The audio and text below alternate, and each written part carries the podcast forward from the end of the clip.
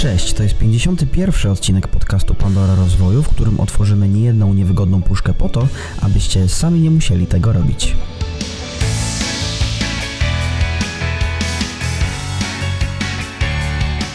W dzisiejszym odcinku porozmawiamy o tym, jak podejmować trudne decyzje, czy ściereczka Apple za 99 zł zdaje egzamin i kiedy warto postawić na swoim.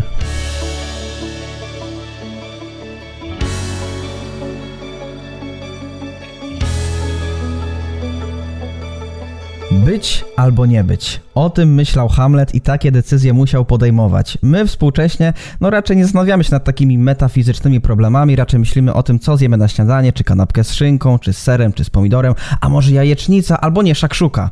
Albo nie, dobra, pójdę do kawiarni na gotowe śniadanie, tam mi zrobią super. Mam nadzieję, że w dzisiejszym odcinku nie będziemy stawiać aż tak dużo pytań, jak ja w tym wstępie, także witam Cię, drogi Dawidzie. Cześć, dzień dobry. Cześć, cześć, dzień dobry, witam i Ciebie, i słuchaczy, i naszych oglądaczy, podglądaczy na YouTubie.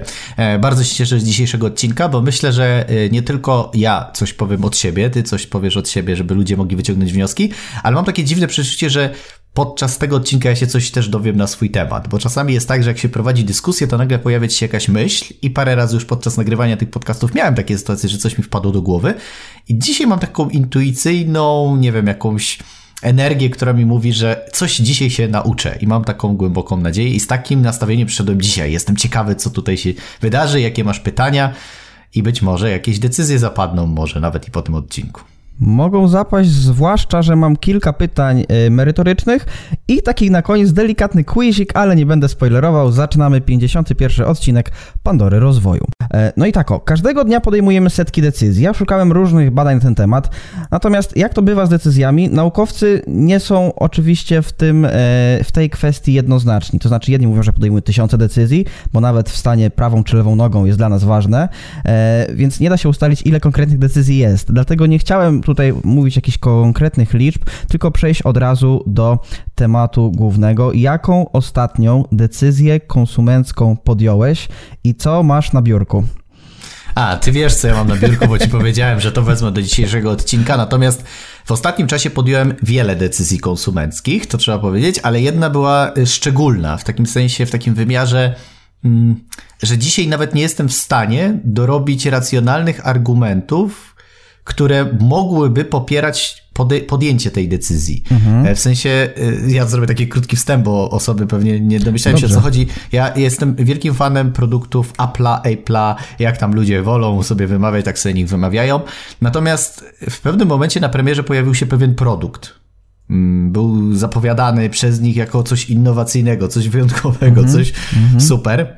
No i pojawiła się ściereczka ściereczka do wycierania telefonów, do wycierania, wiesz, mhm. nie wiem, jakichś tam urządzeń mobilnych, no i nie byłoby w tym nic zabawnego, nic dziwnego, gdyby ta ściereczka nie kosztowała 99 zł. Tak, ściereczka kosztowała 99 zł i trzeba było na nią czekać 3 tygodnie, żeby ją okay. do, dostać. Tak. I wiesz, ja się zastanawiałem, co w tej ściereczce będzie takiego unikalnego.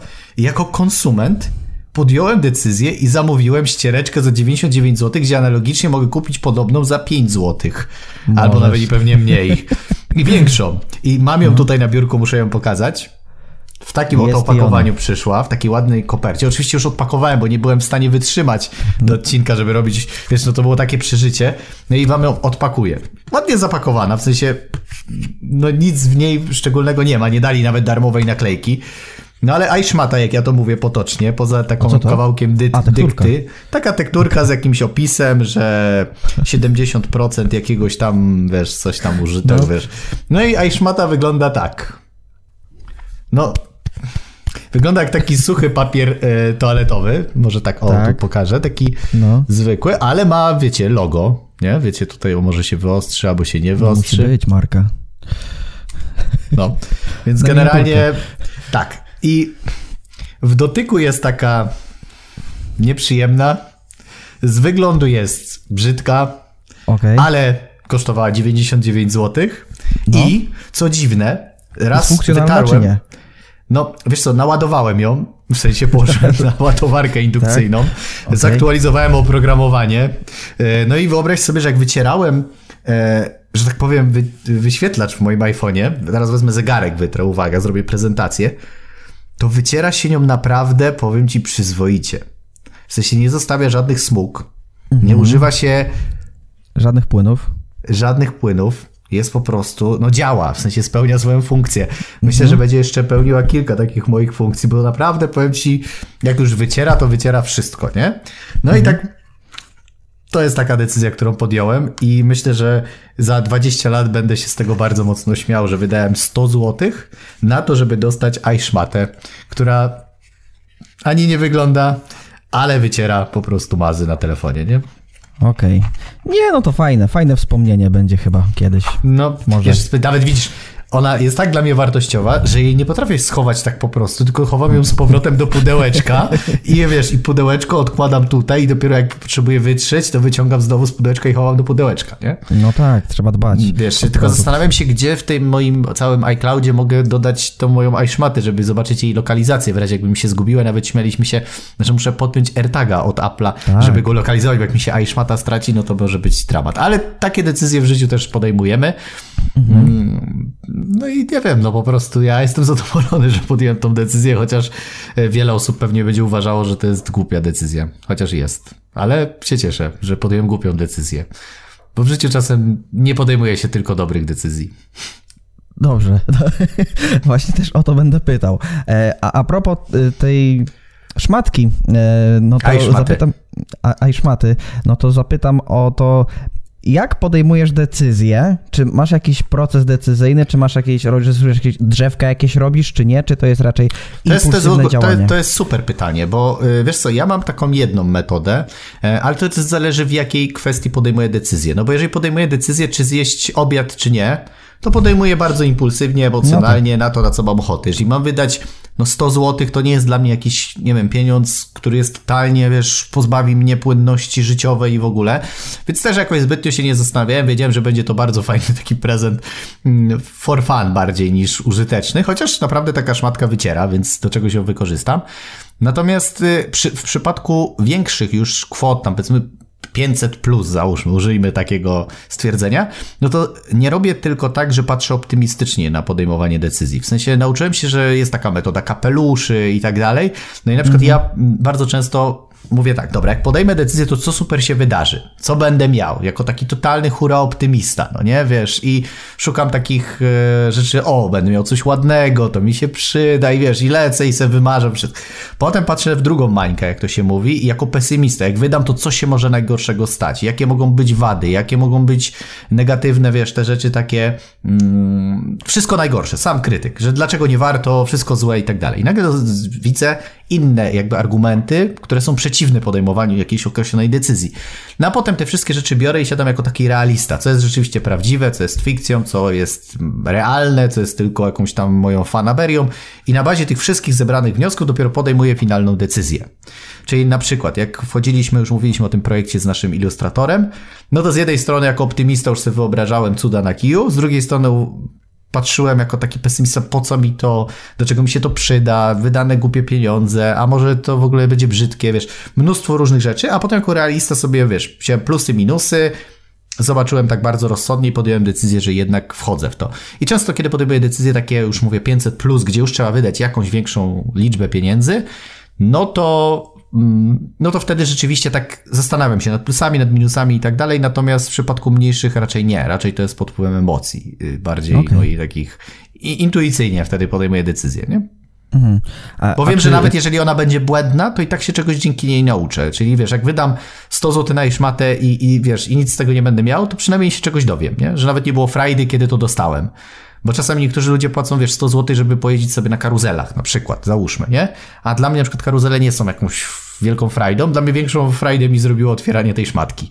I widzisz, nawet mogę teraz o czym pogadać. Dla mnie to jest forma, forma rozrywki nawet. I ktoś może pomyśleć, jak głupie to może być, ale dla mnie to jest była frajda, kiedy to otwierałem, kiedy na to czekałem, wiesz, kiedy mogę o tym opowiedzieć, kiedy mam produkt, który wydaje się dziwny, ale i tak za niego zapłaciłeś, więc, e, więc każdy ma jakieś swoje preferencje. Są ludzie, którzy wydają kupę kasy na alkohol, jedni na papierosy, a jeszcze inni, wiesz, na, oglądają nałogowo filmy, a inni składają klocki Lego, a jeszcze inni wydają na znaczki, bo na przykład ich pasją jest filatelistyka, więc, no więc nie można jednoznacznie zawsze powiedzieć, że coś jest fajne. Jeżeli to nie wymaga jakiegoś dużego nakładu finansowego, to warto podejmować impulsywnie i iść, że tak powiem, za intuicją, ale jeżeli już mówimy o większych kwotach, to warto jednak przeanalizować plusy, minusy i, i tak racjonalnie do tego podejść. Okej, okay, czyli masz płynną barierę powiedzmy na poziomie 500 zł, czyli pół tysiąca plus. Tak, no myślę, że, myślę, że do 500 zł to jest taka kwota. Jak ktoś kosztuje 499, to jeszcze podejmuje decyzję taką, o, czy chce, okay. czy nie chce. I dlatego Dobra. często ceny, na przykład jakiś tam bluz kosztują 499, więc wtedy sobie kupuję bluzę za dużo, nie? Bo już Aha. 505 zł raczej nie kosztuje bluza, to tylko już są za 700-800, no. Więc okay. tak, oczywiście wiem, że to jest taka racjonalizacja, ale wiesz, ale tak mam. Dobra, dobra. No i właśnie teraz chciałem zapytać, bo podejmujemy kilka rodzajów decyzji każdego dnia. Podejmujemy decyzje zawodowe, y, czyli takie bardziej biznesowe i decyzje konsumenckie. Czy u Ciebie się to jakoś różni? Czy dla Ciebie na przykład decyzje biznesowe są ważniejsze od tych konsumenckich, czyli Ty na przykład w sklepie, czy nie? Znaczy wiesz co, e, może trochę się różnią, w takim sensie, że biznesowe bardziej przez pryzmat zwrotu z inwestycji, a te takie konsumenckie, czy mi to sprawi po prostu jakąś osobistą frajdę.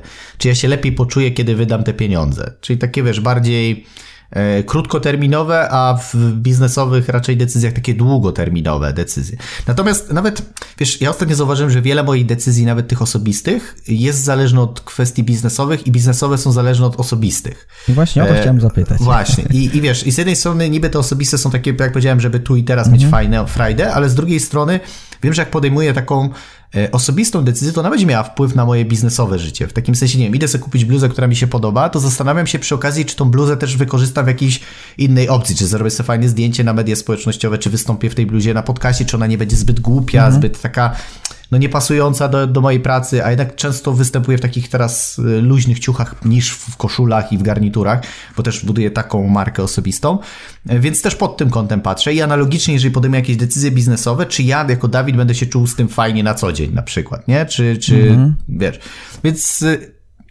ciężko jest tak zero-jedynkowo powiedzieć, czy, czy, to się różni. Na pewno E, jak już jest stricte taka biznesowa, to na pewno długofalowo, jeżeli osobista krótkoterminowo, ale one ze sobą się bardzo mocno wymieniają. Czyli nawet podejmowanie tej decyzji na temat tej iSzmatki, to była moja bardziej taka prywatna decyzja. Ale w gruncie rzeczy od razu mi przyszło do głowy, przecież ja mogę o tym opowiedzieć na podcaście, wrzucić jakieś zdjęcie, wykorzystać to nawet w budowaniu marki osobistej i zainteresować moich odbiorców czymś dziwnym, bo nie każdy prawdopodobnie coś takiego sobie kupi, bo po co, a ja będę mógł o tym opowiedzieć, ludzie mnie posłuchają, mogą mnie poznać dzięki temu nawet bardziej, pośmiać się ze mną, będą mieli jakieś emocje e, i, i wiesz, i nagle tu już wchodzi też aspekt biznesowy, tak? pośmiać z tobą albo z ciebie, kupując... Nie ma, nie ma znaczenia. Dla mnie, czy się śmieją ze mnie, czy z tego, co mówię, jeden kit, mogą się śmiać. Ważne, że są emocje. Ważne, że są tak emocje. Jest, dokładnie tak. O decyzjach mówimy tylko wtedy, tak mi się przynajmniej wydaje, z perspektywy psychologicznej, kiedy mamy do czynienia z jakimiś wyborami, no bo kiedy nie mamy wyborów, decyzji nie podejmujemy. Gdybyśmy mieli jeden wybór, no to decyzja jest oczywista.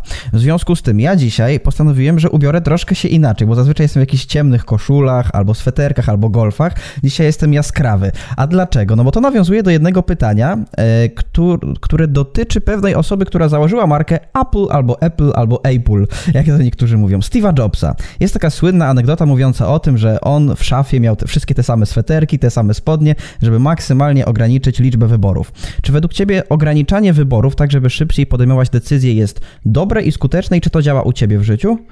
U mnie to działa, zdecydowanie. Okay. Jeżeli na przykład y, nie mam zbyt dużo takich y, prostych życiowych wyborów, rzeczywiście co mam zjeść, co mam na siebie ubrać i tak dalej, że już z góry mniej więcej wiem jak to jest, to rzeczywiście czuję, że mam taki...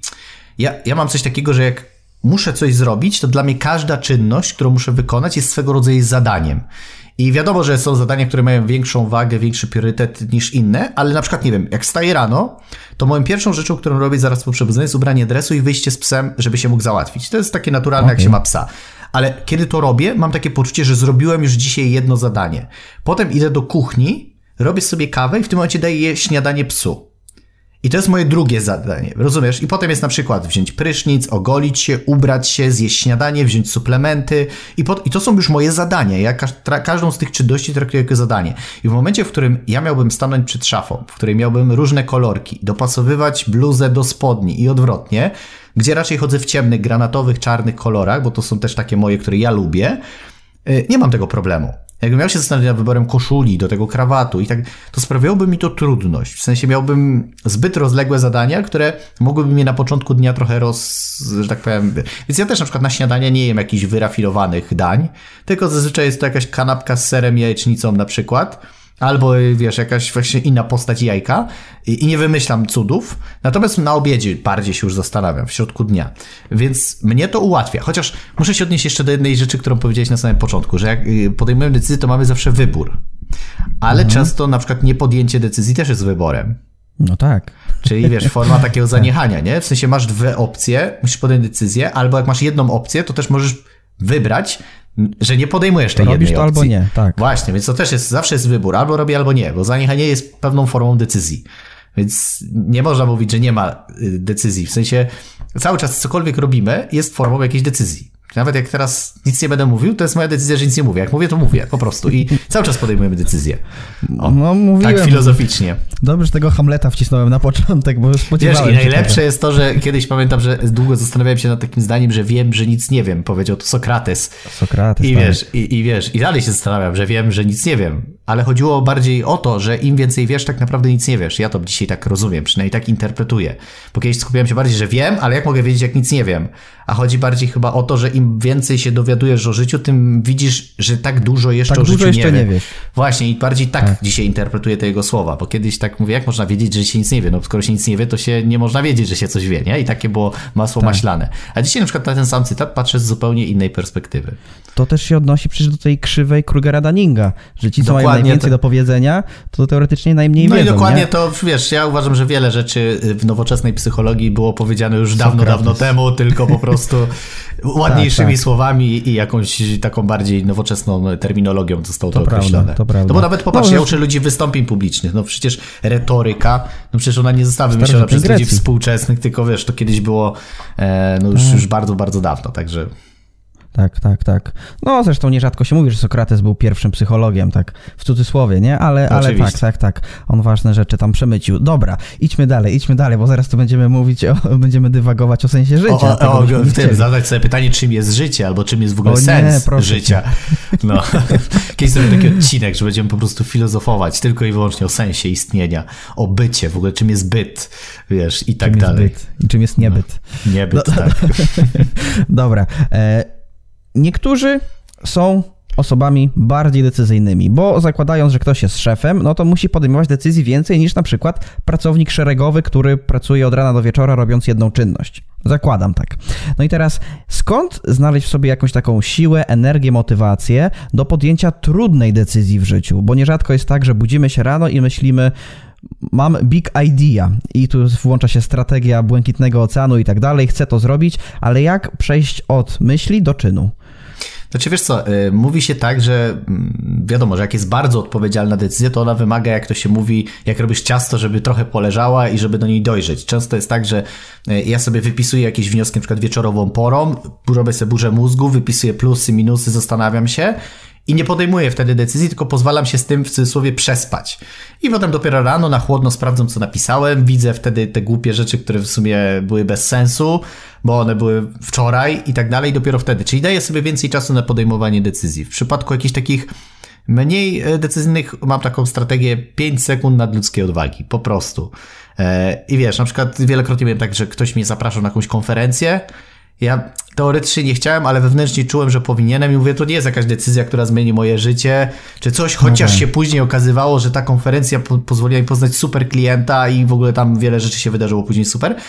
Ale wiesz, trzeba było odpisać na maila i w tym momencie mówię, jak zacznę się nad tym zastanawiać, to będę to rozkminiał, wiesz. I w tym momencie, dobra, zapisz mnie. I odpisywałem maila, czyli mówię jakby tak 5 sekund, pomartwimy się później. Jeden z takich moich znajomych właśnie, który uczy matematyki, serdecznie pozdrawiam, Robert Berger, e, w ogóle świetny gość, uczy maty, matu, maturzystów jak zdawać matematykę i ma taki slogan i tak zdasz, choćbyś nie ogarniał. Tak, po prostu ma swoje strategie, uczy bardzo skutecznie i kto do niego nie idzie, zawsze zdaje maturę, nawet jakby był totalnie nieogarnięty, jeżeli chodzi o matmę, mhm. nie? I bardzo sympatyczny człowiek i on mówi, chodź, y, zróbmy to, napijmy się teraz herbatki, a pomartwimy się później, nie? I właśnie takie mam założenie, że jak coś nie jest takie bardzo rozbudowane, to mówię, a robię to, a potem się pomartwię. Czyli na przykład wiesz, jak mówię, nie wiem jaką będę miał logistykę, czy, czy jak na tą konferencję, a dobra, wpisz mnie, potem się pomartwię, jak to ogarnąć, nie? I tak rzeczywiście bardzo często w życiu mi to pomaga. Okej. Okay. A widzisz, to ciekawe co mówisz, bo ja pamiętam jak chodziłem na terapię, to miałem to samo. Pani powiedziała, terapeutka, Panie Adrianie, pan podejmuje decyzję, pan się nad tym nie zastanawia, tylko pan to robi po prostu. I, i wiesz, to jest to właśnie, żeby nie za bardzo tak, znaczy, wiesz, no, rozmyślać. No, wiadomo, że są decyzje czasami, ważne. Czasami, tak. tak. Wiesz, na przykład, nie wiem, chcesz się z kimś rozstać w związku. No to to nie możesz no to podjąć takiej decyzji na zasadzie, a dobra, rozstajmy się i zobaczmy jak to będzie no bo to raczej jest poważna decyzja. To jest tak jak na przykład, nie wiem, decydujesz się na z kimś współpracę biznesową. To też warto się zastanowić, czy chcesz. Jak chcesz zrezygnować ze współpracy biznesowej, to też się pewnie zastanawiasz, czy chcesz zrezygnować. To nie może być takie na zasadzie, a dobra, rezygnuję, albo biorę, wchodzę w jakąś współpracę, tak? Tylko generalnie trzeba podejmować wtedy decyzje w sposób taki bardzo mniej emocjonalny, bardziej logiczny, bardziej rozsądny, ale jeżeli wiesz, coś dotyczy, nie wiem, czy idziemy do kina, czy nie, no to wiesz, zastanawiać się, czy ja mam ochotę, czy nie. Albo idę, albo nie idę. No i potem się będę martwił, jakie będą z tego, wiesz, konsekwencje, plusy, minusy, tak? Często tak, tak robię, często, a ja właśnie chciałem powiedzieć, tak mam często z McDonaldem. Jadę, widzę ten, to logo na trasie, a zjem, pomartwię się później i potem siedzę w domu, to była zła decyzja, brzuszek boli na przykład.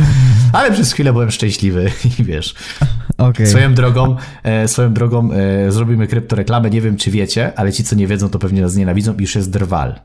W sensie można go już zjeść, tak przypominam, tych, którzy przegapili. Ale ten odcinek będzie tego, 15 y, grudnia tutaj widzę. Ja wiem, ale już mówię, bo może niektórzy w ogóle zapomnieli, że jest drwal. okej, okej. Okay, Więc okay. przypominam, albo wiesz, wiedzieli i nie poszli, a im teraz, wiesz, zrobię smaka. Pamiętajcie, jest drwal. Zrobisz smaka na maka. I tutaj tak. przelew na konto prosimy tutaj uiścić. Zgodnie z umową polecamy drwal, najlepsza kanapka tej zimy. Tak, tak. E, a powiedz mi jednej rzeczy, która mnie bardzo ciekawi, bo ja nigdy nie byłem w takiej sytuacji, ty byłeś. E, jesteś sobie szefem i musisz y, oddać decyzję innym poniekąd. Czyli na przykład zatrudniasz kogoś, zatrudniasz jedną osobę, drugą osobę, trzecią osobę, tu z kim współpracujesz i oddajesz to w czyjeś ręce. Czy łatwo ci się rozstawać z decyzją, czy musiałeś jakoś do tego dojrzeć, czy dalej sobie z tym nie radzisz? Znaczy, wiesz co, na... pytanie ogólne, no? Znaczy, wiesz co, kwestia czego to dotyczy, bo e, na samym początku oczywiście ja wszystko chciałem być jak złota rączka i wszystko robić sam. Natomiast do pewnego momentu, yy, no, dało się to robić, później już było ciężko. I potem są takie decyzje, które, yy, wiesz, jeżeli komuś zaufasz, to wiesz, to, to jest z korzyścią dla ciebie, jeżeli ta osoba wiesz, że się w czymś specjalizuje. Musisz przyjąć po prostu do głowy takie przekonanie, że są ludzie w pewnych obszarach lepsi od ciebie w takiej materii, że wiedzą lepiej, na, jak to zrobić. W taki sens, że jak na przykład montuję filmy, uważam, że źle nie montuję. W sensie gdzieś tam znam podstawy, wiem jak mógłbym to zmontować, żeby było fajnie, bo sam nawet kiedyś mi powiedziałeś, że tam jednego vloga jak zmontowałem, że był całkiem przyzwoity i wiesz, no. i być może mógłbym to robić lepiej, ale wiem, że na przykład jak tobie daję odcinek do zmontowania mówię, dodaj tam po prostu coś, to ja wiem, że jak ty to zrobisz, to to będzie dobrze. I jakby z tym nie dyskutuję. I wiem, że to ty podejmujesz decyzję, co tam ma się pojawić mhm. i w jakiej formule, ale mam takie poczucie, że ty jesteś w tej materii lepszym ekspertem aniżeli ja. Tak samo jest z tym, kiedy ty przygotowujesz pytania, że wiem, że ty będziesz wiedział, jakie pytania powinny tutaj paść, a nie, że ja mam ci mówić, jakie masz mi zadać na przykład, nie? Tak, tak. Mi też chodzi o to, że jak budujesz swoją markę osobistą, no to wiesz, no to, to ty wszystko robisz według jakichś tam swoich schematów i tak dalej, bo jak masz korporację, to jest trochę inaczej, bo macie procedury, schematy, tak. ktoś to musiał wypracować, ale mimo wszystko to nie jest tak jak przy marce osobistej. Więc zastanawiam się, jakie to jest uczucie, kiedy oddajesz na przykład część marki osobistej, na przykład nie tylko mi, tylko mówię o kogokolwiek, kogo zatrudniać, fotografom, mhm, na przykład tak. ilustratorom i tak dalej, więc jak znaczy, to w ogóle jest w środku? Znaczy wiesz co, no przede wszystkim no tutaj wchodzi, patrzysz na osobę i czy jej ufasz. Bo często jest tak, że jak rozmawiasz z drugim człowiekiem, to widzisz, czy jej możesz zaufać, czy nie. Czasami widzisz, czy ta osoba mhm. jest empatyczna, czy nie. Jeżeli ktoś podchodzi tak bardzo tylko czysto strukturalnie, na zasadzie robię i mam to gdzieś i w ogóle nie widać w tej, u tej osoby pasji, to masz takie poczucie, że może potraktować ciebie jak po prostu ajszmatę, w cudzysłowie, nie? W sensie taką po prostu, żeby nie użyć innego słowa. E, natomiast kiedy widzisz, że ta osoba jest w miarę empatyczna, jest profesjonalistą, zna się na rzeczy, to dużo łatwiej jest oddać tą decyzyjność. W takim sensie, że że wiesz, że ta osoba wie, co ma robić po prostu. I, I wiadomo, że finalnie nie podejmę takiej decyzji, w która na przykład, nie wiem, jeżeli miałbym oddać prowadzenie fanpage'a, oso- e, no to by musieli najpierw wysyłać do mnie posty, które ja bym miał I zatwierdzić. akceptować. Mhm. Tak, na pewno nigdy w życiu nie pozwoliłbym, żeby do szerszego grona poszło coś, czego ja bym wcześniej nie widział. Okej. W sensie, tak jak na przykład, nie wiem, jak są jakieś odcinki, czy, czy nawet jak jakiś grafik coś robi i mi wysyła, czy nawet jak ty robisz stronę, no to ja ją muszę wcześniej zobaczyć, zanim powiem, że ona ma być publiczna, w cudzysłowie. Tak, Więc ja i tak. tak finalnie zawsze ja podejmuję tą decyzję, bo wiem, że zawsze przed tym ostatnim e, tak, zanim to ludzie zobaczą, ja jednak mam na to jakiś wpływ. Więc takiej stuprocentowej e, decyzji ja podziwiam na przykład takich ludzi, którzy oddali agencji prowadzenie swoich social mediów. I oni totalnie nie wiedzą, co tam się dzieje. I czasami wiesz, no, potem są podejmowane różne decyzje, które potem na przykład mogą skutkować zniszczeniem marki osobistej. Było wiele różnych Najczęściej przypadków trzy błędnych. miesiące, budżet jest pobierany, a tam wiadomo, co Dokładnie tak, więc ja na przykład bardzo sobie cenię markę osobistą i tak w 100%, tak, z, że ktoś robi 100% za mnie, na przykład, o, nie, jedną rzeczą, którą na pewno dam, to jest księgowość. Bo ja w ogóle w to nie Okej. ingeruję. W sensie księgowa wysyła wszędzie, ja w ogóle tego nawet nie sprawdzam, czy wysyła dokumenty w terminie, czy nie, czy ten. Wierzę, że to, co ja dostaję jako wyliczenia, że one są dobre. W sensie ufam, bezgranicznie, księgowej. Wiem, że ona jest specjalistką w ogóle jakby tutaj ja nie podejmuję decyzji. Robię po prostu przelewy takie, które muszę zrobić koniec. Jak się później okaże, że był błąd, no to będę się wtedy martwił, nie? Ale w innych takich aspektach, które ja mam wpływ, czyli media społecznościowe, zdjęcia, wierzę, że fotograf je zrobi dobrze, ale zanim wybiorę te, które ten, no to też mam prawo, wiesz, te mi się podobają, te nie i tak dalej jeszcze, nie? Mhm. A, a czy byłbyś w stanie na przykład przekuć swoją markę osobistą na wielką, powiedzmy, ogólnopolską korporację? Nie chcę podawać konkretnych nazwisk trenerów, ale są takie osoby, które zatrudniają sztab ludzi i któ- które rządzą tym wizerunkiem tej danej osoby. Byłbyś w stanie to zrobić, czy nie? Wydaje mi się, że nie. W sensie Aha, mm, okej. mógłbym pójść na konsultacje, w sensie na doradztwo, ale nigdy w życiu nie pozwoliłbym, żeby ktoś za mnie decydował, jak mam budować swój wizerunek. W sensie mógłbym usiąść Okej. do stołu i posłuchać, jakie są propozycje, jakie są możliwości i wybrać finalnie, bo ja mam metaprogram ramy wewnętrznej, więc mnie to, co mówią inni ludzie, są co najwyżej tylko i wyłącznie sugestią, a nie jakimś takim, e, nie wiem, jakąś taką rzeczą, która jest dla mnie wyznacznikiem, że muszę taką decyzję podjąć. Ja lubię się konsultować, lubię brać e, jakby sugestie i opinie innych ekspertów, ale to i tak ja finalnie podejmę decyzję, nie? Więc na pewno nie mógłbym oddać się w ręce PR-owców, którzy w 100% zajęliby się kreowaniem mojego wizerunku, bo jeżeli ja bym nie miał nad tym kontroli, czułbym się po prostu z tym źle. Jednak jestem na tyle, myślę, świadomym, odpowiedzialnym człowiekiem, że jestem w stanie podjąć decyzję. Przy okazji mam odpowiedzialność za i dobre, i za złe decyzje. A nie, że będę potem kogoś obwiniał, że to przez niego coś mi na przykład nie wyszło, albo oddawał sukces, że to ktoś za mnie to osiągnął na przykład, nie? No właśnie to mnie zastanawia, bo są takie osoby i znamy je, że mają Wiesz, no to wszystko zależy. Są osoby, które nie chcą brać na swoje barki takiej odpowiedzialności i to jest normalne, wiesz, nie każdy jest stworzony w ten sposób, nie ma takiej osobowości, która chce mieć tą taką kontrolę, wszystko we własnych rękach. Więc tak samo jest ze sportowcami. Zobacz, że są sportowcy, którzy mm, oddają się różnym, wiesz, e, firmom i, i różnym rzeczom, żeby dba, dbali o ich wizerunek i tak dalej. A są tacy, którzy sami wszystko robią na przykład, nie? No i właśnie moje kolejne pytanie dotyczy sportu, więc dobrze, że je wywołałeś. A konkretnie pewnej postaci, trenera Jerzego Brzęczka. Przez chwilę zagościł u nas, e, przez chwilę, no przez tam nie pamiętam ile miesięcy, kilkanaście pewnie, czy kilkadziesiąt, ale e, był on trenerem, który nie cieszył się zbyt dobrą sławą w opinii publicznej, przynajmniej do takiego wniosku dochodzę. E, no i teraz tak, jak być osobą decyzyjną, która jest postrzegana jako lubiana, jako powiedzmy inteligentna, jako taka, z której zdaniem się należy liczyć, bo ja wiem, że niektóre osoby, które są na wysokich stanowiskach, piastują je, no nie do końca, tak jak Jerzy Brzęczek, tak mi się przynajmniej wydaje, no jest postrzegany jako ten taki autorytet, a to przecież on musiał trzymać y, kadrę jako selekcjoner. Znaczy wiesz co, no przede wszystkim ja uważam, że tutaj merytoryka zawsze się obroni. Mogą cię nie lubić, ale jeżeli masz wiedzę, masz merytorykę, robisz to dokładnie, no to mogą co najwyżej krytykować twoją osobowość, ale nie mogą się przyczepić do twojej wiedzy. To jest, wiesz, to jest tak jak na przykład, nie wiem, można zarzucić e, wielu piłkarzom, że są gwiazdorami, na przykład można to powiedzieć o Ronaldo, że jest gwiazdorem i w ogóle i taki ten, ale no możesz mówić co chcesz, ale nigdy nie powiesz, że jest jednym z najwybitniejszych piłkarzy w ogóle w historii tego świata. No I. I możemy go lubić, możemy go nie lubić, możemy go krytykować, ale z tym nie da się polemizować. Jak ktoś uważa, że jest kiepskim piłkarzem, to nie zna się kompletnie na futbolu. I ja wcale nie muszę lubić Ronaldo, żeby powiedzieć, że jest geniu- geniuszem, jeżeli chodzi o granie w piłkę nożną, tak? E, to samo o Messim czy o Lewandowskim. Możemy krytykować Lewandowskiego za różne decyzje, które podejmował w ostatnim czasie. Mhm. Mam nadzieję, że o tym też porozmawiamy. E, natomiast e, finalnie jakby no, nie można mu odmówić tego, że rzeczywiście gość jest piłkarzem wybitnym. Natomiast jeżeli chodzi o Brzęczka, no na pewno nie ułatwiało mu to pracy. Bo jeżeli masz przed sobą nie jedną, pięć osób, którymi zarządzasz, tylko często to jest to cała drużyna, to jest dwudziestu paru piłkarzy plus y, cały sztab, plus to wszystko, na co ma wpływ, na atmosferę i tak dalej. No jeżeli y, ludzie, którzy są pod tobą, nie widzą, że ty też dla innych jesteś autorytetem, no to oni mogą mieć wątpliwości.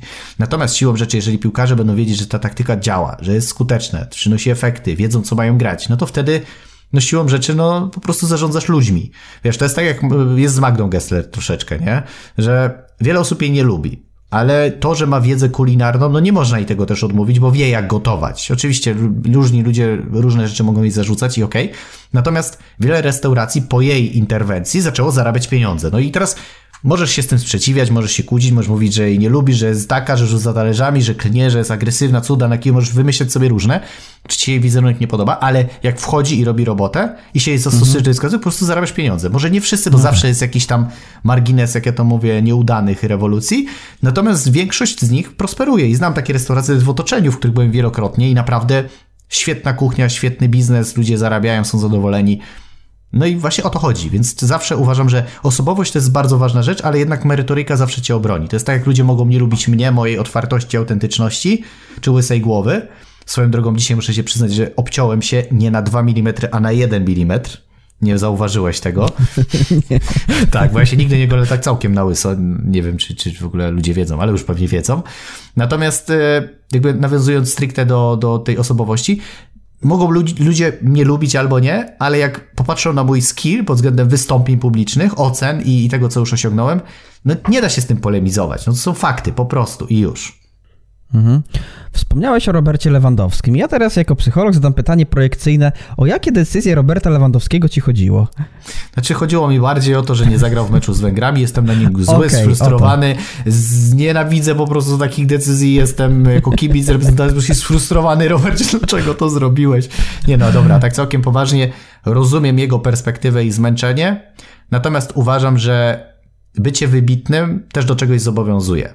Ja nieraz miałem e, taką sytuację i teraz nie chcę mówić, że jestem wybitny, chociaż uważam, że w tym, co robię w skali Polski przynajmniej jestem wybitny, bo tak jak już wielokrotnie mówiłem, jeżeli chodzi o naukę wystąpień, to, to nie ma kto się ze mną dzisiaj równać pod względem know-howu i stylu i tego, w jaki sposób ludzie mają efekty.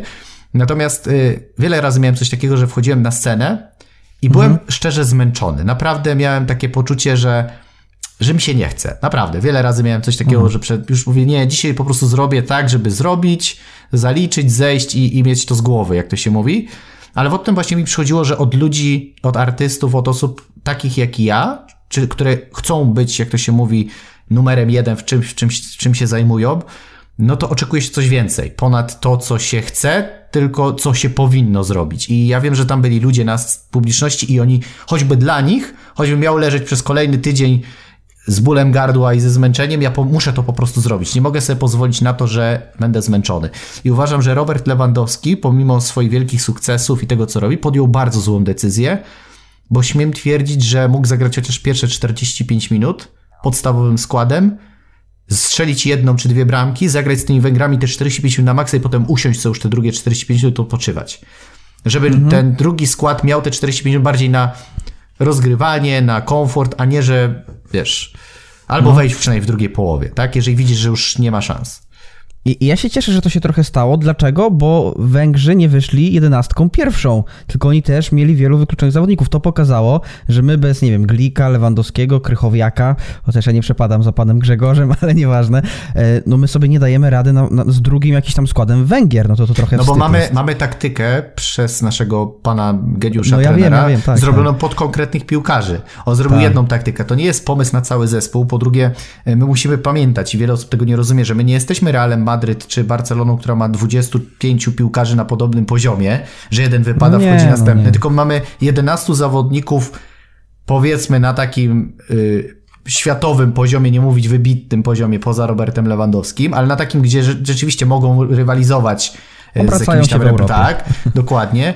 Ale później zaczynają się schody. Potem mamy właśnie jakichś puchaczów czy innych gwiazdorów, którzy po prostu, no, są dobrymi piłkarzami, ale na dobrym się kończy. Tam, tam nie ma nic więcej. Jak siedzi tak? na ławce w Berlinie, no to wiesz. To nie jest przypadek, no, że on siedzi na ławce, tak? No zresztą to Tak. wielu, nawet Jerzy Dudek ostatnio czytałem taki wywiad, że e, no podjęcie decyzji, że trener niemiecki, e, wiesz, na przykład w Niemczech, jeżeli siada jakiś zawodnik na ławce, to nie siada tak po prostu, jeżeli nie gra pięciu meczów. Tam, wiesz, tam ludzie widzą jego braki techniczne, widzą braki w wyszkoleniu. Jeżeli ktoś gra tylko w pucharach, gdzie grają zmiennicy, a w lidze nie gra, no to to jest, tam nie ma przypadków. Wiesz, to, to nie jest polska ekstraklasa, gdzie ktoś siada, bo ktoś się na kogoś obraził, tylko no tam jednak y, obraca się troszkę innymi kwotami, innymi pieniędzmi, jest to inne budżety, więc tam odpowiedzialność jest dużo większa, więc jak ktoś nie ma w nogach, no to po prostu siedzi. I to, tu, tu nie rozumiem, jak można w tak ważnym meczu do składu wystawiać kogoś, kto nawet z, w roli zmiennika, kogoś, kto nie gra. Gdzie ma udźwignąć zespół, wziąć odpowiedzialność. No to, to, to nie ma miejsca, po prostu. Kogoś, kto nie wącha murawy. I według mnie te decyzje były wszystkie złe i mam nadzieję, że, że to czegoś nas nauczy. W sensie mm, nie chcę tutaj obarczać winy Roberta Lewandowskiego, bo to też nie może być tak, że mamy kadrę i jeden zawodnik jest teraz wszystkiemu winny. Natomiast no, on jako kapitan reprezentacji, jako człowiek, który jest wybitnym piłkarzem, właśnie powinien pokazać tym innym, że nie ma, że, że boli, nie ma, że jestem zmęczony. Po prostu jak jest ważny mecz, my musimy wyciągnąć. Bo potem jaki dajesz sygnał całej drużynie?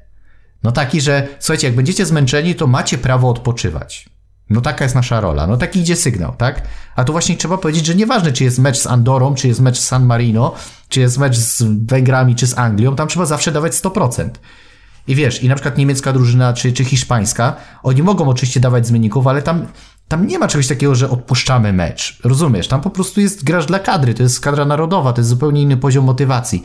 I wiesz, jeżeli tobie się nie chce, no to to tak nie fajnie, nie? A nie chce mi się wierzyć, że do końca wszyscy wierzyli w to, że drugi skład z palcem, jak to się mówi w czterech literach, ogra Węgrów, nie? To była bardzo zła decyzja, wydaje mi się nieprzemyślana, lekkomyślna, nie biorąca pod uwagi konsekwencji, które szły. A to nie są tylko konsekwencje czysto sportowe, bo i kibice byli zawiedli, ale i sponsorzy, bo teraz nie jesteśmy rozstawieni, nie zagramy na narodowym, więc to są milionowe straty dla związku, dla Tam 15 sponsorów. milionów gdzieś czytałem. Nawet więcej, w przypadku braku awansu to są nawet dziesiątki milionów. No tak, tak, tak. No tak. więc, więc y, no, nie ma tutaj żadnej dyskusji, po prostu. No dobrze, no to skoro jesteśmy przy takich decyzjach, no to ja jeszcze jedno pytanie opiniotwórcze. Marzec 2020. Pandemia. COVID. No i co się dzieje dalej? Dzieje się dalej to, że wprowadzamy lockdowny w kraju. E, bardzo trudna decyzja, bardzo ciężka dla naszej gospodarki, dla ludzi, dla szkół, dla firm, dla wszystkich absolutnie. Czy to z perspektywy czasu była dla ciebie dobra decyzja, czy nie? Znaczy wiesz co, no y, ja nie staram się analizować decyzji, na których nie mam wpływu, tylko zastanawiam się, co z tymi decyzjami mogę później zrobić. Czyli jeżeli wiesz, na przykład, nie wiem, pada deszcz dzisiaj i nie mam na to wpływu, czy będzie słońce, czy pada deszcz, załóżmy, no to nie, nie skupiam się na tym, czy to jest dobre, czy złe, tylko co z tym mogę zrobić. Tak samo, jeżeli już jakiś rządzący podjął, to jest jego odpowiedzialność, jaką decyzję podjął i on powinien się zastanawiać, czy to była dobra decyzja. Natomiast ja się zastanawiam, co z tym mogę zrobić. Wiele osób właśnie walczyło z tymi de- decyzjami, tak No jakby właśnie, mieli, wiesz, wychodzi, moc tak. sprawczą, że nie wiem, że wykrzyczę na profilu i nagle coś się zmieni, chociaż ja jestem za tym, żeby oczywiście z jakimiś złymi decyzjami wychodzić i się sprzeciwiać. Natomiast wiesz, więcej energii jednak poświęcam na to, żeby coś z tym zrobić, co ja mogę, na co mam wpływ, tak? E, No i finalnie ja uważam, że to, co się zadziało, y, może nawet nie było dobre, co ja dobrze na to zareagowałem. O może w ten sposób, bo mógłbym siedzieć i narzekać i, i żądać od ludzi, wiesz, płaccie mi, bo jestem pokrzywdzony, bo mi eventy odwołali, bo nie ma szkoleń stacjonarnych, bo nie ma grup, bo cuda, bo cuda. Bo wielu przedsiębiorców usiadło i po, po, wiesz, postawili się w roli ofiary, jacy to oni są po prostu poszkodowani przez życie i przez los. Mm, Natomiast dobry przedsiębiorca zawsze ma jakąś poduszkę finansową i zawsze sobie jest w stanie przygotować na kryzysowe sytuacje. Jak nie, to znaczy nie jest dobrym przedsiębiorcą. Nie mówię o jakichś takich naprawdę skrajnych sytuacjach w stylu, nie wiem, no nagle eksploduje ci cała restauracja. biznes. Tak, albo wiesz, nagle eksplodowała ci restauracja, bo wszedł terrorysta. No, no ciężko jest mówić o takich jakichś specyficznych, nie? Jakiś tam, wiesz, no COVID wiadomo, był też jakby tym e, takim bardzo e, specyficznym e, wydarzeniem. Natomiast no, było trochę czasu, żeby podjąć jakieś decyzje, przenieść się do internetu, szukać rozwiązań, a wiele osób po prostu siedziało przez wiele miesięcy, myśląc, że samo się ułoży. No i ja uważam, że z perspektywy czasu ja ten czas bardzo dobrze wykorzystałem, bo dzisiaj nawet nie mając tych różnych jakichś tam ograniczeń, mogę sobie i tak decydować o tym, w jaki sposób ja chcę pracować. I jeżeli powtórzy się sytuacja podobna, to ja dzisiaj jakoś jej specjalnie nie odczuję, bo jestem już na to przygotowany. Wiesz, jakby mogę działać tu i tu i to ode mnie zależy, w którym momencie chcę czegoś więcej. Czyli masz analizę, czyli masz analizę sytuacji, a następnie potem się do niej adaptujesz według konkretnych. e, Dokładnie, znaczy wiesz, e, najpierw, najpierw szybko podejmuję decyzję. To jest, wiesz, e, coś się wydarzyło, więc ja w pierwszej kolejności nie zastanawiam się, czy ta osoba dobrze podjęła, tylko co ja mam z tym zrobić. Najpierw sprzątam, tak żeby było dobrze, a potem dopiero ewentualnie podejmuję dyskusję z osobą, która wywołała te skutki. Rozumiesz, o co chodzi?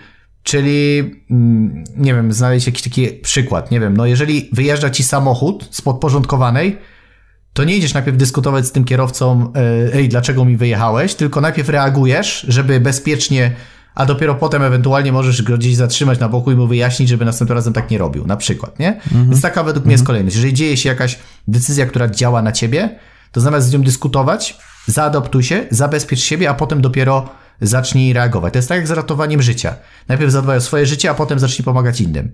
Nie? To jest podstawa ratowania. Nie? nie możesz wejść tak i po prostu najpierw, nie dbając o swoje zdrowie, ratować kogoś innego. Nie? Więc jak coś się dzieje na ulicy, to też musisz zadbać, czy postawiłeś samochód w bezpiecznym miejscu, czy na pewno możesz pomóc, czy masz kamizelkę i tak dalej, a dopiero potem pomagać drugiej osobie. Nie? No bo tak jest. No to jest. No tak. No. Tak nas uczą, tak nas uczą. Jeszcze mam takie dwa duże pytania, ale chyba ich dzisiaj nie zadam, patrząc na czas, który tutaj nam minął, bo jeszcze mam 10 innych pytań. W związku z tym czas na szybki quiz, dobra? Dawaj. Yy, yy, skoro odcinek o wyborach, no to tak. Yy, krótka odpowiedź i krótkie pytanie będzie. Jak pierogi, to ruskie czy z kapustą i grzybami? Z kapustą i grzybami, zdecydowanie. Pączek z marmoladą czy budyniem? A myślę, że z budyniem. Z marmoladą mi się przejadł. Jednorazowe zarobienie pół miliona złotych czy zarabianie 10 tysięcy co miesiąc przez 20 lat? 10 tysięcy przez 20 lat. O, Apple czy Samsung? No Apple, oczywiście. Wydaje mi się, Pomidorowa to, to, było, to było pytanie retoryczne. Znaczy, wydaje mi się, że pomidorowa czy rosół to jeden kit, bo to jest w zasadzie to samo, tylko z pomidorami, ale bardziej rosół. Myślałem. Dobra. Laptop czy komputer stacjonarny? Laptop. Jeśli wakacje, to morze czy góry? Góry zdecydowanie. Blondynki czy brunetki? Rude. Nie, a tak poważnie to brunetki. Okej. Szrek czy osioł? Szrek. Zenek Martyniuk czy zespół Boys? Ani jedno, ani drugie. Władca Pierścieni czy Gra o Tron? Władca pierścieni. I ostatnie pytanie. Ściereczka do telefonu za 99 zł firmy Apple, czy zwykła ściereczka za 5 zł ze sklepu wszystko za 5 zł? Oj, oj, oj, oj. To. Mamy bez, odpowiedź. Bez najmniejszych wątpliwości. Dobrze. Mam nadzieję, że dzięki tym pytaniom trochę cię ludzie poznali, bo to też jest takie fajne w takich krótkich Yy, szybkich tak, tak, pytaniach. tak. Szczególnie to, to pytanie z pierogami. Wydaje mi się, że to jest po prostu pytanie, na które ludzie dzisiaj po tym odcinku po prostu ich światopogląd się zmieni. Ale wiesz dlaczego? Ja ci odpowiem dlaczego. Bo ja zazwyczaj pierogów nie jadam, tak normalnie. A zazwyczaj pierogi jadam w, w święta. Święta. To, no właśnie. Czyli za tydzień. No, więc generalnie, jeżeli mamy, wiesz, jakby pierogi z kapustą i grzałem, one mi się kojarzą tak bardzo pozytywnie ze świętami, z rodziną, z tym takim czasem, e, wiesz, świąteczno-noworocznym e, i dlatego. Więc jak, takie inne pierogi to tak bardziej, wiesz, jak naprawdę jestem gdzieś tam, które nagle z jakimś sosem czosnkowym ze szpinakiem robią, na przykład są takie różne rodzaje, to tak spróbuję, ale głównie to też, tam są tylko jedne pierogi, nie? To jest tak, No jak jest dobrze, jedna no słuszna dobrze. marka y, sprzętów elektronicznych, Rozumiem. z których korzystam, tak samo pierogi są tylko jedne, z kapustą i z grzybami. Fanpage, No lubię pierogi, lubię to. Okej, no to w takim razie możemy chyba przejść do maila, czyli do kolejnego Tak jest. segmentu w Pandorze. Dostałem, dostałem e, maila od Kacpra, napisał już kilkukrotnie, więc e, wybraliśmy go. Zresztą tak napytał. Pytanie do podcastu. Dzień Mhm. dobry panowie. No w końcu ktoś napisał e, do panów, a nie tylko do mnie, bo mówił cześć Dawid czy coś tam, a to panowie. No bo razem prowadzimy ten podcast. Mam nadzieję, że ten mail pojawił się w odcinku, bo pisałem już kilka razy. Mam pytanie dotyczące 15 odcinka drugiego sezonu i teraz powinno być takie, wiesz, w montażu. A, ten odcinek, tak, ja na pewno pamiętam o, o czym tam było. W którym rozmawialiście o znalezieniu swojego mentora. Początkowo jak przeczytałem tego maila, to przeczytałem partnera i mówię, rozmawialiśmy o znalezieniu swojego partnera. W związku z tym tematem wpadło mi do głowy takie pytanie, jak znaleźć dobrego coacha? Każdy się reklamuje, że ma tonę certyfikatu i pomógł już setkom tysiącom osób. Chciałbym rozwijać się na płaszczyźnie życiowej i biznesowej, czyli być bardziej produktywnym każdego dnia i pogadać swoje życie. Masz kogoś godnego polecenia, a może są jakieś wytyczne w szukaniu coacha, bo nie bardzo wiem, jak odróżnić kogoś kompetentnego od niekompetentnego. Powodzenia w nagrywaniu kolejnych odcinków i dążeniu do 100 tysięcy subskrypcji. Kacper. Znaczy wiesz co, no ja myślę, że nie dążymy do 100 tysięcy subskrypcji, bo nam jeszcze do tego bardzo daleko, do 10 tysięcy nam daleko. Natomiast y, my to nagrywamy bardziej tak o, dla naszych klientów niż do szerzenia bardzo zasięgów YouTube'owych. Ale generalnie, jeśli chodzi o coacha, no to ciężko jest tak zero-jedynkowo powiedzieć, y, kto jest najlepszy, no bo to jest rzecz taka bardzo subiektywna. Y, Wydaje mi się, że pierwszą rzeczą, na którą powinniśmy zwrócić uwagę, to osobowość i, i polecenia innych ludzi, czyli nie szukać kogoś tylko z internetu na zasadzie, że ktoś nam tam podpowie, wiesz, y, że jest super i nam wyśle ofertę, tylko jednak poszukać po opiniach, zapytać ludzi, czy ktoś korzystał i potem sprawdzić i nie bać się zrezygnować. W sensie, to jest tak, jak to jest z psychologiem. Możesz pójść do jednego psychologa, jeżeli czujesz, że ta terapia nie idzie, to możesz zmienić psychologa na innego, nie? I to jest normalne, to wiesz, jednak osobowość, energia ma duży wpływ na to, bo kompetencje mogą być bardzo często podobne, ale energetycznie możesz dużo zyskać w pracy z, z jedną lub z drugą osobą. Tak samo jest zresztą z trenerem czy mentorem, że możesz mieć dwóch ekspertów w tej samej dyscyplinie, ale bliżej ci do tego, bo ten energetycznie bardziej pasuje, nie? Lepszych słów dobiera, bardziej ci rozumie, miał podobne być może jakieś tam życiowe e, doświadczenia. I, I wiesz, i tu ciężko jest tak powiedzieć. Wiadomo, że są jakieś tam certyfikaty mniej lub bardziej, no bo jeżeli ktoś zrobił certyfikat przez tam Udemy za 29 zł, a ktoś skończył szkołę, która trwała tam powiedzmy dwa lata, studia, plus jeszcze tam, wiesz, mnóstwo innych certyfikatów, ma jeszcze tam, chociaż to też jest y, taki trochę pic na wodę na zasadzie tych rekomendacji ICF-ów i innych tych wszystkich, wiesz, cudów, że możesz być tam międzynarodowym coachem, no to wiesz, no to no to możesz, wiadomo, bardziej się skłaniać ku tej osobie niż ta, która skończyła kurs internetowy. E, Natomiast ja bym pierwsze zobaczył wśród znajomych, podpytałbym, a potem bym nie bał się zrezygnować, jeżeli czułbym, że to mi nie daje efektów. To, to ciężko jest tak przy doborze coacha jakoś tak polecić. No i chyba, że ty masz jakieś inne wnioski, Adrianie. Nie, nie, no rzeczywiście, po owocach ich poznacie, jak to mawiali. e, Nie, nie bójcie się pewnej rezygnować z mentorów, z coachów, z psychologów, bo jeżeli czujesz, że ta rozmowa nie idzie w dobrym kierunku, nie czujesz tego flow, to szukaj innego, nie? W sensie zawsze warto zrezygnować, nie? Nie, nie siedzieć na przykład rok cały czas i wierzyć, Tak. że coś się zmieni, bo to wydaje mi się, że po jednym, dwóch, trzech spotkaniach można już poczuć, czy, czy to idzie w jakimś kierunku, czy raczej nie bardzo, nie?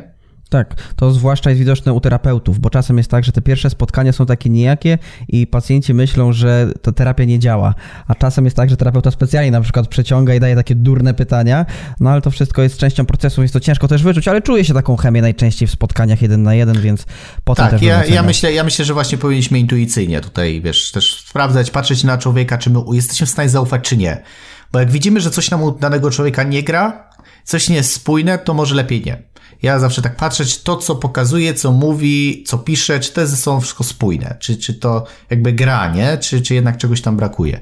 Jak brakuje mi czegoś do układanki, to, to raczej się nie decyduję. Okej. Taka autentyczność No takim też. razie- Dla, mnie, dla mnie ważne jest, żeby osoby, z którymi współpracuje coach, nie wiem, psycholog, żeby on był raczej taką osobą autentyczną. W sensie nie mógłbym współpracować z kimś, kto był bardzo taki, wiesz, zmarkowany, biznesowy i w ogóle, wiesz, taki, wiesz, jak to się mówi, ładnie Mhm. opakowany. I nie, nie, nie miałbym takiego elementu, że o, widzę, że ta osoba jest taka prawdziwa, w takim, mam nadzieję, że mnie rozumiecie, nie? W Tak. takim życiowym. Jak ja rozumiem, to oni też. Tak, mam taką przynajmniej nadzieję. Ja wiem, że nie rozumieją, tak jak ja rozumiem, ale zakładam, że rozumieją. No bo każdy ma swoją mapę świata, więc oni to i tak Każdy zrozumieją. ma. Tak, Ale tak. no to, to, jest, to jest raczej takie klarowne. No ale widzisz, ale ja nie mam Zrozumiałem problemu odpowiadać, jakie pierogi lubię, więc jeżeli jakiś tam psycholog gdzieś nigdy nie powiedział jakiejś takiej osobistej rzeczy, to, to już nie wiem, czy może nie chcieć, ale ja lubię jak ktoś mówi, więc jak psycholog nie mówi, to znaczy, że my nie możemy współpracować. O, na przykład, nie? A, no właśnie. A ty właśnie Czyli jakie pierogi 10 lubisz? pytań A jakie e, lubisz? jaruskie. A, to dobrze, to dobrze, że ja ci nie... A gdybyś miał wybrać ściereczkę tą za 5 zł, czy tą za 99? To za 5. Tak, też myślałem. No dobrze, to może wróćmy już do tego, gdzie można nas słuchać, co? Dzięki w ogóle Kasper za ten, za maila, Tak, bo, właśnie. bo bardzo dobre pytanie. Ja uważam, tak jak powiedziałem, autentyczność, e, poczucie takiej chemii, no i polecenia. Przy wyborze osób warto patrzeć na polecenia, nie? Tak. A, a pączek jaki powiedziałeś? Z budyniem czy marmoladą? Z budynią. Dobra, to ja też. To, to, to coś jest komplementarnego, w związku z tym dziękujemy Tylko ja nie jem Kacprze. pączków, ale wybrałbym Ja też nie. O, to jednak się na czymś zgadzamy. Ja w ogóle tak słodyczy nie jem. Ja jem fast foodów dużo, ale słodyczy raczej nie. Nie lubię. Ale dobra, w każdym razie, w każdym razie, jeżeli chcesz, aby twój mail pojawił się w kolejnym odcinku Pandora Rozwoju, to napisz do nas na adres pandora rozwoju małpadawiswistek.com. Przypominam, że możecie nas słuchać na różnych platformach streamingowych, m.in. Apple Podcast, Google Podcast, Spotify, Overcast. Tych platform jest dużo. Link do wszystkich na stronie anchor.fm łamane przez Pandora Rozwoju, a także zapraszamy do grupy na Facebooku Pandora Rozwoju, społeczność słuchaczy, na której to lądują informacje o nowych odcinkach i czasem jakieś przeróżne pytania i konwersacje się zawiązują. E, a czy ty, Dawidzie, w tym 51 odcinku masz jeszcze coś na koniec do powiedzenia? Bo ja wiem, że masz. E, bądźmy świadomi, że podejmowanie decyzji to jest nieodłączny element naszego życia. Nie podjęcie decyzji to jest najważniejsze, jest podjęciem decyzji. Czyli jeżeli masz na przykład do wyboru, pojadę do kogoś i z kimś porozmawiam, ale mówisz, dobra, na razie nie, nie porozmawiam, bo się boję na przykład porozmawiać mm. z mhm. kimś, no to to jest podjęcie decyzji, że tego nie robisz. Czyli podejmujesz, że nie rozmawiasz. Nie możesz powiedzieć, że tak. odkładasz to w czasie. Po prostu nie rozmawiasz, to jest decyzja. Więc nie można powiedzieć, że ty jeszcze nie podjąłeś decyzji, bo zaniechanie jest podjęciem jakiejś decyzji. Więc e, pamiętajmy, że życie to jest ciągły wybór. Prawo, lewo, prawo, lewo, y, ciemne, czarne, wiesz. Nie ma, nie ma tak, że, że nie ma wyborów. No musimy wstać, czy wstajemy lewą, czy prawą nogą. W sensie o tym rano raczej nie myślimy, ale, ale też jest to jakiś wybór. Mm -hmm. czy idziemy mm -hmm. najpierw e, do toalety, czy najpierw do kuchni. Podejmujemy decyzję, w co się ubierzemy, jak spędzimy czas, jakich słów używamy, bo to też jest ważne, że często możemy komuś powiedzieć dziękuję, albo możemy powiedzieć inne brzydkie słowo. To też jest podjęcie decyzji. I Nie dziękuję. Musimy pamiętać, że każda decyzja niesie ze sobą konsekwencje. I będąc tak. dorosłym człowiekiem, a wiem, że raczej dorośli ludzie nas słuchają, pamiętajcie, że jak już podejmiecie decyzję, to nie udawajcie, że ta decyzja sama zapadła, spadła z kosmosu i ona was nie dotyczy, tylko weźcie pełne konsekwencje za to, co zrobiliście, bo jednym z takich elementów poczucia własnej wartości, bycia świadomym człowiekiem jest branie odpowiedzialność za to, co masz w swoich rękach i za co jesteś odpowiedzialny. Wtedy rzeczywiście masz, e, że tak powiem, sprawczość, do której mhm. ludzie dążą, natomiast często oddają tą sprawczość, bo a, bo przypadek, bo to samo wyszło. Nie. My bardzo często swoimi decyzjami doprowadzamy do określonych sytuacji, no i potem co z tymi efektami zrobimy, to też jest już kolejna decyzja. Więc nie zwlekajmy z podejmowaniem decyzji, tylko wybierajmy te, które są dla nas najbardziej rozsądne, tak jak czujemy. Nie zawsze musimy kierować się rozumem, czasami możemy kierować się sercem, ale to pamiętaj, że to i tak zależy finalnie od ciebie, w którym kierunku twoje życie się potoczy, a mam nadzieję, że w dobrym. O, tak powiem.